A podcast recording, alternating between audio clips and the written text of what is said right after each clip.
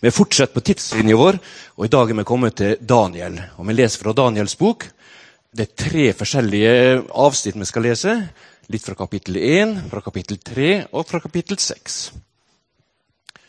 Kongen sa til Aspenas, hoffsjefen, at han skulle hente noen israelitter fra kongssetta og fra de fremste familiene.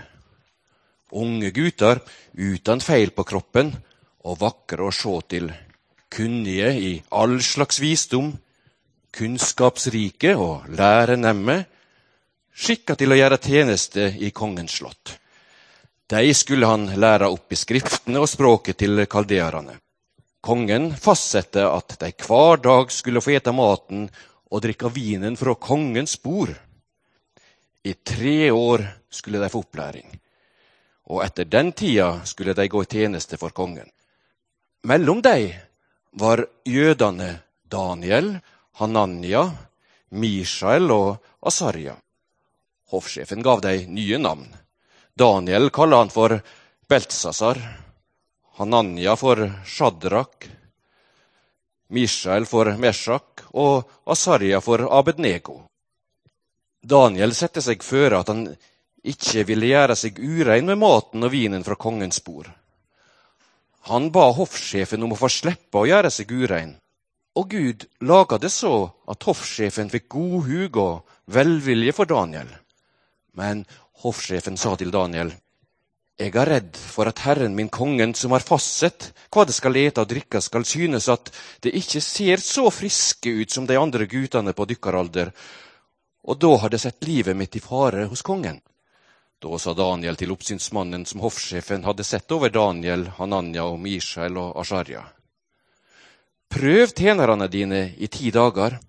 Gi oss grønnsaker å ete og vann å drikke.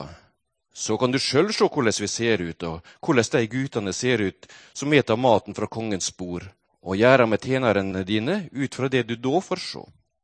Han hørte på dem i denne saka, og prøvde dem i ti dager. Da de ti dagene var gått, viste det seg at de så bedre og sunnere ut enn de guttene som hadde ete av maten fra kongens bord. Da let oppsynsmannen de slippe denne maten og vinen, og gav de grønnsaker. Gud gav de fire guttene kunnskap og vit på alle skrifter og all slags visdom. Og Daniel skjøna seg på alle slags syn og drømmer. Da den tida kongen hadde fastsett var ute, og de skulle føres framfor han, førte hoffsjefen de fram for Nebukaneser. Kongen snakka med dem, og det fantes ingen som kunne måle seg med Daniel, Hananya, Mishael og Asarja. Og de gikk inn i tjeneste hos kongen. Hver gang kongen spurte de til råds i saker som kravde visdom og vit, fant han at de var ti ganger så vise som alle draumetydere og åndemanere i riket. Så går vi videre til kapittel tre. Shadrak, Meshak og Abednego svarer kong Nebukaneser. Vi trenger ikke svare deg på dette. Om den Gud som vi dyrker, kan berge oss fra omnen med lågende eld og fra di han konge, så vil han berge oss. Om han ikke gjør det, så skal du vite, konge, at vi ikke kommer til å dyrke din Gud og tilbe gullstatuen du har reist. Da ble Nebukaneser fylt av slikt raseri mot Shadrak, Meshak og Abednego at andletet hans ble helt fordreid. Han bød at de skulle gjøre omnen sju ganger så heit som vanlig, og at noen soldater fra hæren skulle binde Shadrak, Meshak og Abednego og kaste dem i omnen med lågende eld. Så leser vi videre fra kapittel seks. Da sa de til kongen, Daniel, en av de bortførte fra Juda retter seg korkje etter deg eller det påboet du har sendt skriv om. Tre ganger om dagen heller han si bønn. Da kongen hørte det, gjorde det han svært vondt. Og han bestemte seg for å berge Daniel. Helt til solnedgangen gjorde han det han kunne for å redde han. Igjen storma mennene inn til kongen og sa til han, Gløym ikke, konge, at det er medisk og persisk lov at ikke noe påbo som kongen har gjeve, eller noe forordning han har sendt ut, kan kalles tilbake. Så bau kongen at de skulle hente Daniel, og kaste han i løvehåla. Kongen sa til Daniel, måtte din Gud, som du framleis styrker, berge deg. Da henta de en stein og la han over åpninga til håla. Kongen forsegla han med sitt segl og med seglet til stormennene sine, så ingenting kunne endres når det gjaldt Daniel. Etter dette gikk kongen til slottet sitt og fasta hele natta. Han let ingen kvinner komme inn til seg, og han fikk ikke sove. Tidlig om morgenen, ved soloppgang, sto kongen opp og skunda seg til løvehåla. Da han kom bort til håla, ropte han på Daniel med angst i stemma. Daniel, du tjener for den levende Gud. Har din Gud, som du stadig dyrker, kunne berga deg fra løvene? Min Gud sendte engelen sin og lukka gapet på løvene, så de ikke skadde meg, for jeg har funnet skuldfri for han. Og mot det, konge, har jeg heller ikke gjort noe gale. Slik lyder Herrens ord. Tusen takk for at vi får lov å komme og dele noe av det som vi jobber med. Og Jeg kunne snakke en hel dag om det som skjer i, den forfulgte verden. Jeg har fått beskjed om å snakke om å være tro i troen. Dette her med Daniel. Men samtidig så har jeg lyst til å nevne det bladet som vi gir ut. Jeg vet ikke hvor mange av dere som har det. Kan jeg få lov å se hvor mange av dere får bladet vårt? En god del. Så flott. Det Det er et, et lite blad, og det er alltid et ansikt. Det ble nevnt her i stad at det er 215 millioner mennesker som betaler en pris for troa si i dag. Vi sier alltid vi skal alltid ha et ansikt, for det gjelder enkeltpersoner. Det er et enormt tall, og så kan det bli så mye at vi tenker sånn, åh, hva kan jeg gjøre der? Men det bladet her tar en liten halvtime å lese igjen. Vi sender det gratis. Og det viktigste oppi denne her, det er bønnekalenderen. Og Vi hadde håpet at alle som får det, bruker bønnekalenderen. Det er fantastisk. Mange melder tilbake at den bruker vi. Og vil dere være med og be for dem? For de trenger det utrolig mye. Og samtidig, hvis dere vil ha bønnesvar fra Gud, så bli med. For Gud gjør fantastiske ting i den muslimske verden. Og jeg har lyst til å dele litt med dere bare før jeg begynner nå. Ser dere det miraklet som skjer her i dag? Jeg tror ikke dere ser det. Vi er ikke klar over hva det er som skjer når vi samles til gudstjeneste. Det er ei ung jente som kom fra Sentral-Asia, var med Nick Ripken, som har skrevet bøkene 'Guds galskap'. Hun måtte flykte til USA, og hun ble med Nick inn i gudstjenesten til Nick. og Der hadde de dåp. Hun sitter og hopper på stolen ved siden av Nick, og Nick sier til henne hvis det er uvant for deg, så kan du få lov å gå ut. Nei, nei, det er ikke det, sa hun. Hun sitter og vrir på seg, og Nick er litt usikker på hva det er som gjør at hun føler seg så utilfreds. Og så sier hun, 'Hva er det?' Hun, 'Jeg får lyst til å rope', sa hun. 'Hvorfor det?' 'Ser du ikke miraklet', sa hun. Ser du ikke at dere kan ha dåp, og dere kan gå ut av kirka uten at politiet står der og arresterer dere? Det er et mirakel, det som skjer i dag, sa hun. Dere har full frihet. Ser dere ikke det? Når jeg hørte den historien, så tenkte jeg vi tar det som en selvfølge men et mirakel at dere kan samles her. Hadde dette vært i Nord-Korea, så hadde dere ikke kommet ut døra. Det har tatt barna deres, det har tatt foreldre, det har tatt besteforeldre. Tre generasjoner i håp om å utsette kristendommen i det landet. Og Jeg fikk nettopp snakka med generalsekretæren vår. Han har vært sammen med de som leder arbeidet vårt. Så sier de han som leder arbeidet inn til Nord-Korea, vekkelsen går frem i Nord-Korea. Det vokser antall kristne, og Gud har åpna ei dør slik at vi har enda mer som vi kan sende inn. Vi jobber over hele verden.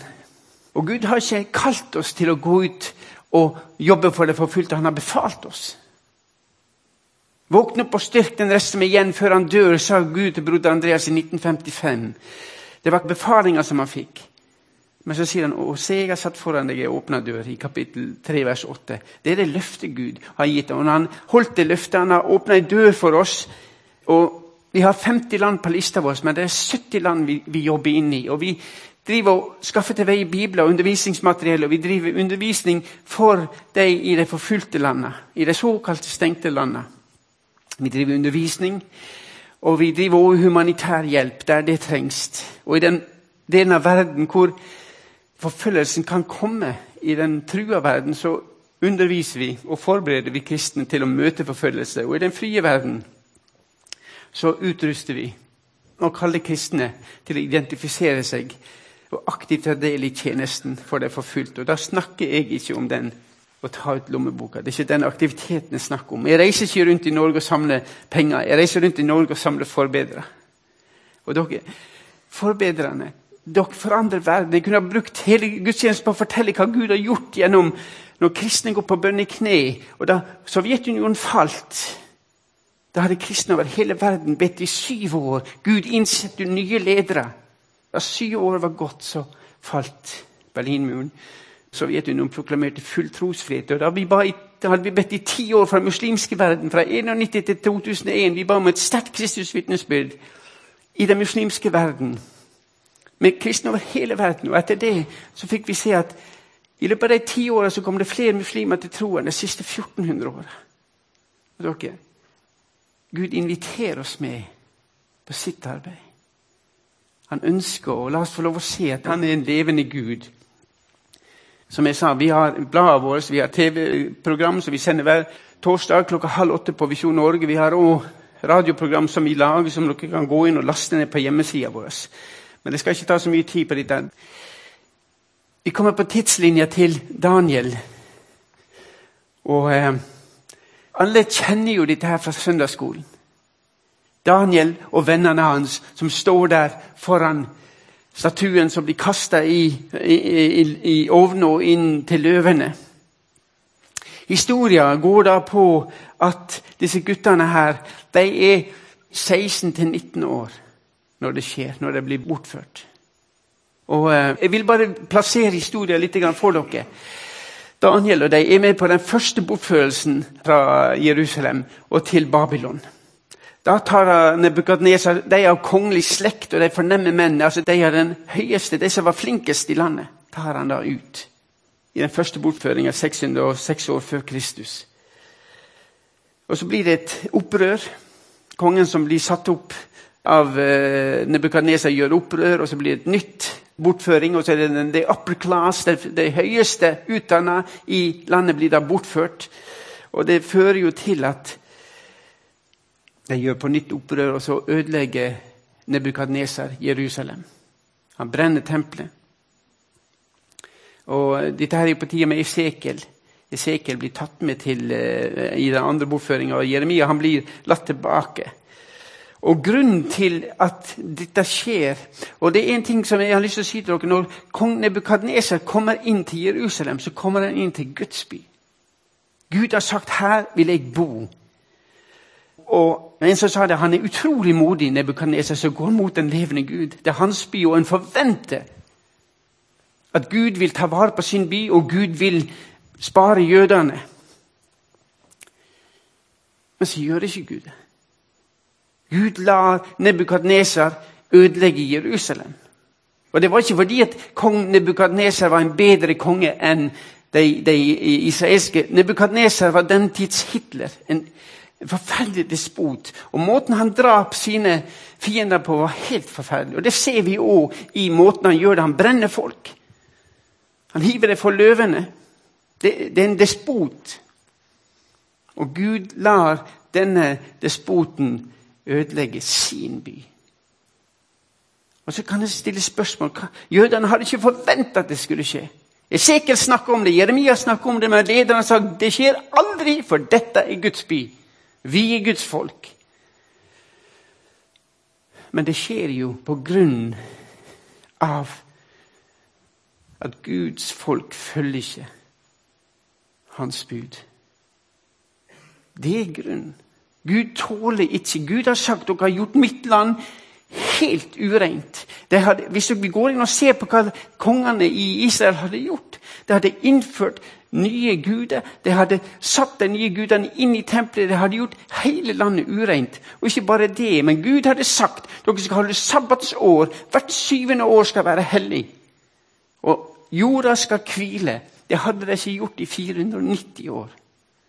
Og Israel ble bortført i 70 år. Hvorfor det? Jo, fordi Gud sa 'la landet ta igjen sabbatsåra sine'. Det var 70 ganger. 490 år, det er 70 år. Og Derfor er Israel ute av Israel i 70 år, for landet skal få lov å hvile, sånn som Gud har sagt.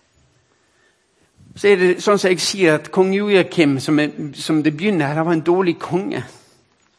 Og Hvis de leser i andre krønikebok, kapittel 36, så ser vi om kong Sedike som sier at Gud prøver igjen og igjen å nå inn til deg med profeter, men han gjorde nakken stiv og forherda sitt hjerte, så han ikke vendte om til Herren.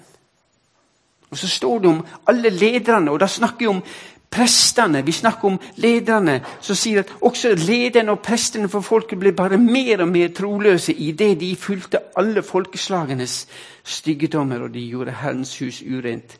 Det huset han hadde helliget i Jerusalem. Og Så går kong Nebukadneser inn i tempelet, og så tar han de kara ut. De kara som Gud hadde helliga i sitt tempel. Og han sa dette skal dere bruke i tjenesten for meg. Nebukadneser sier at min Gud er sterkere enn Israels Gud. Se, han lar meg innta. Og han erkjenner heller ikke at Gud er en levende Gud. Og jeg har lyst til å si det at før jeg går videre Det som Vidar sa til meg Ole, kan du tale over å være tro i troen? Og når jeg ser dette her, det at lederne og prestene forkaster Gud, forkaster Hans ord, det er ikke lydig mot Hans ord Å være tro i troen, hva er det? Det er ikke en prestasjon. fordi ofte så tror vi at det er en prestasjon. Det kommer ikke an på min tro. For eh, Efesene 2,8 der snakker de om, om Guds gave. For av nåde er du frelst ved tro. Og det er en Guds gave. Tro er ikke en prestasjon, men det er Guds gave. Noe som du får i det øyeblikket du sier 'Jesus, jeg trenger deg'. Når vi har valgt Jesus, hva gjør vi da? Da burde vi holde Hans ord. Satan jobber overtid med at ikke vi skal holde Hans ord. Satan jobber overtid at ikke vi skal lese Hans ord. Broder Andreas utfordrer oss som jobber i Åpne dører. Han sier at hvis ikke dere leser Bibelen deres fra perm til perm en gang per år, så definerer jeg dere som late kristne. Hvordan kan vi forvente at Gud skal bruke oss når vi ikke kjenner Hans ord? Og så leser vi Efeserne og, og Åndens sverd. Hva er det? Det er Guds ord. Hvis ikke vi vil jobber med Guds ord, så gir vi Den hellige ånd en sjanse i livet vårt til å gjøre noe i livet vårt. Og så står det i Jeremia 55 der står det, og Guds ord skal ikke vende tomt tilbake til meg. Og I vers 13 i kapittel 55 så står det og istedenfor tornekratt så skal det vokse opp suppresser. Gud kan forvandle tornekratter i mitt liv, og du, vi trenger det. Jeg har tornekratt i mitt liv, men Gud trenger å forvandle. Han kan forvandle det til suppresser, står det. Og det er til glede for alle rundt. Og Det er en duft, og det er nydelig å se på når noen følger Jesus Kristus. Og Guds ord får lov å virke i vårt liv. Men det er mange ting som preger oss. Hvis dere ser på det bildet her Kong Nebukadneser, når han tar disse ungdommene, 16-19 år Det første han gjør, er å forandre navnene deres. Og hvorfor gjør han det? Jo, fordi at Daniel Navnet slutter med L, og det kommer på navnet Elohim. Elohim. Altså, det, det handler om Gud. Og så har du da Hananya. Det avslutter med Jehan, som er Jahve. Og Alle disse fire guttene har navn som minner deg om Israels Gud. De må ha kommet fra kristne familier. De må være godt opplært òg. Det første han gjør, han sier at gi dem nye navn. Beltasar, Shadrach, Meshach og Abednego, som er navn som minner deg om Babloms månegud. De får nye navn, og det første de gjør, det er å begynne å Det er en slags brainwashing. For at de skal glemme sin gamle kultur. Og de aksepterer navnet. Det, det er litt sånn utrolig, egentlig, disse fire her. De protesterer ikke på navnet. For navnet betyr egentlig ingenting. Det er måten du er på. De kan kalle meg hva du vil, men jeg vil følge Jesus. Men så kommer det til det punktet som sier men skal, de skal ete av kongens mat. Ergo, de skal få lov å bli en del av den babylonske kultur. Du skal få lov å vokse opp eliten. Slik at du glemmer der du er født og oppvokst. Og Da kan du se hvor, mye, hvor viktig det er de første 16 åra i et liv. Vi som er foreldre, hvor viktig det er å La barna våre, før de blir 16 Noen sier til meg at ja, når det blir en 10-12 år, så skal jeg begynne å putte verdier inn i deg. Dere, det vi gjør fra de er små, når det er en 10-12 år, så begynner det å blomstre.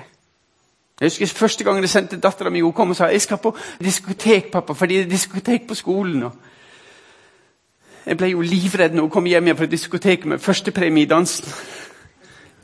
Hun er så musikalsk, og jeg elsker å danse. Og jeg sa, kjære Gud Men vi, vi vil ikke holde deg vekk fra å gå der. Kona mi sa at vi kan ikke holde deg vekk, men vi, vi kan fortelle deg. Og så begynte det å fortsette å gå, de to jentene mine. Og så plutselig etter fjerde gangen så kom de veldig tidlig hjem. Så sa jeg, er det ferdig? Nei. Men pappa, det er i grunnen ikke så voldsomt. Og da begynte jeg å se hvordan Guds ord, det vi planter i barna våre, det begynner å, blomstre når det kommer opp i den alderen. La oss ikke vente til det blir eldre, fordi det vi planter i det, det er så viktig. Men det som de opplever, disse ungdommene her, er at når de sier dere må spise av kongens mat, og det er helt imot Guds ord Grunnen til at de da reagerer Gud har ikke sagt noen ting om navnet deres, at det skal kalles sånn og sånn. Men når det gjelder mat, så går det imot, helt imot Guds lov. Det de har lært, det kalles kosher i dag. Måten jødene spiser på. Og Det ble servert ureine dyr. Og Daniel og de sa at dette aksepterer vi ikke. Vi aksepterer ikke. Og Så går det til Aspenas, som er sjefen. Hvis dere legger merke til det, det går til øverste høvedsmann, som er Aspenas, og så sier de at vær snill å la være å tvinge oss til å spise den maten som kongen gir. Og Han tør ikke. Aspenas sier at 'jeg tør ikke, jeg har velvillig for dere', men jeg tør ikke å si nei, fordi da kommer kongen til å kappe hodet av meg. Og Daniel og guttene Det er nesten utrolig at de ikke går og sier 'nei, jeg er en kristen, jeg er en jøde', 'jeg aksepterer ikke å bli behandla sånn som dette', 'jeg lever ikke sånn'. De er utrolig høflige. De roper ikke høyt ut til Aspenas. Men de går til forvalteren som er satt under Aspenas, og så sier de det. Kan vi få lov å spise den maten som Gud har kalt oss til å spise, i ti dager? Og etter ti dager kan du prøve oss. Og Det de egentlig gjør, det de sier Gud, vi setter vår tillit til deg. Vi ønsker å følge deg. Og så sier forvalteren det er greit, dere skal få den sjansen. Og så svarer Gud og sier det er mye bedre enn alle de andre. Det står det litt i den kulturen det skulle feites opp. Fordi at Hvis du var feit og stor og tjukk, så var det liksom, ja, da har du det bra, og du har visdom, og du har alt bra. Og de la tydeligvis på seg. Og Gud, han ærer deg. De ærer Gud, og Gud ga dem visdom og forstand. Det står at kongen sier at dere er ti ganger flinkere enn alle de andre. Og dere, Det å følge Guds ord og bruke Guds ord og kjenne Guds ord gjør noe med vårt forhold til Gud. Og dere, Det blir satt på et valg at enten velger du Gud, og vi ser det i dette, enten velger du Gud, og så blir du forkasta. Og det skjer ting i dag. Jeg har lyst til å vise neste bilde. Så får dere bilde av Asia Bibi. I 2010 så fikk hun valget. Enten fornekter du Jesus Kristus, eller så dør du. Hun har sittet på dødscelle siden 2010. Og så vet dere alle sammen at hun ble løslatt av noen modige, tre modige høyesterettsdommere. Men i dag også er det mange som stilles på valg. De prøver å bli hjernevaska. Hvis ikke du velger slik og slik, så tar vi livet av deg. Og Asia har blitt stående. Og hvor er Asia i dag? Hun er ikke frakta ut av Pakistan, men be for Asia i dag. Hun er, i en militærleir sammen med familien. Og De sier at det er ikke alle i militærleiren som liker henne, men de har sagt at hun skal ikke fraktes ut enda, men be om at Gud må ta vare på henne, at Gud må få sin vilje gjennom hennes liv. Hun velger å stå som Daniel og de andre guttene. Jeg vet at tida går nå, men hvis du tar neste bilde Når dere kommer til Durasletta Jeg har vært i Persia, det som er Iran i dag. Jeg har vært nede i Shiraz. Der nede Daniel sannsynligvis var når han tjente Dareios og Kyrios.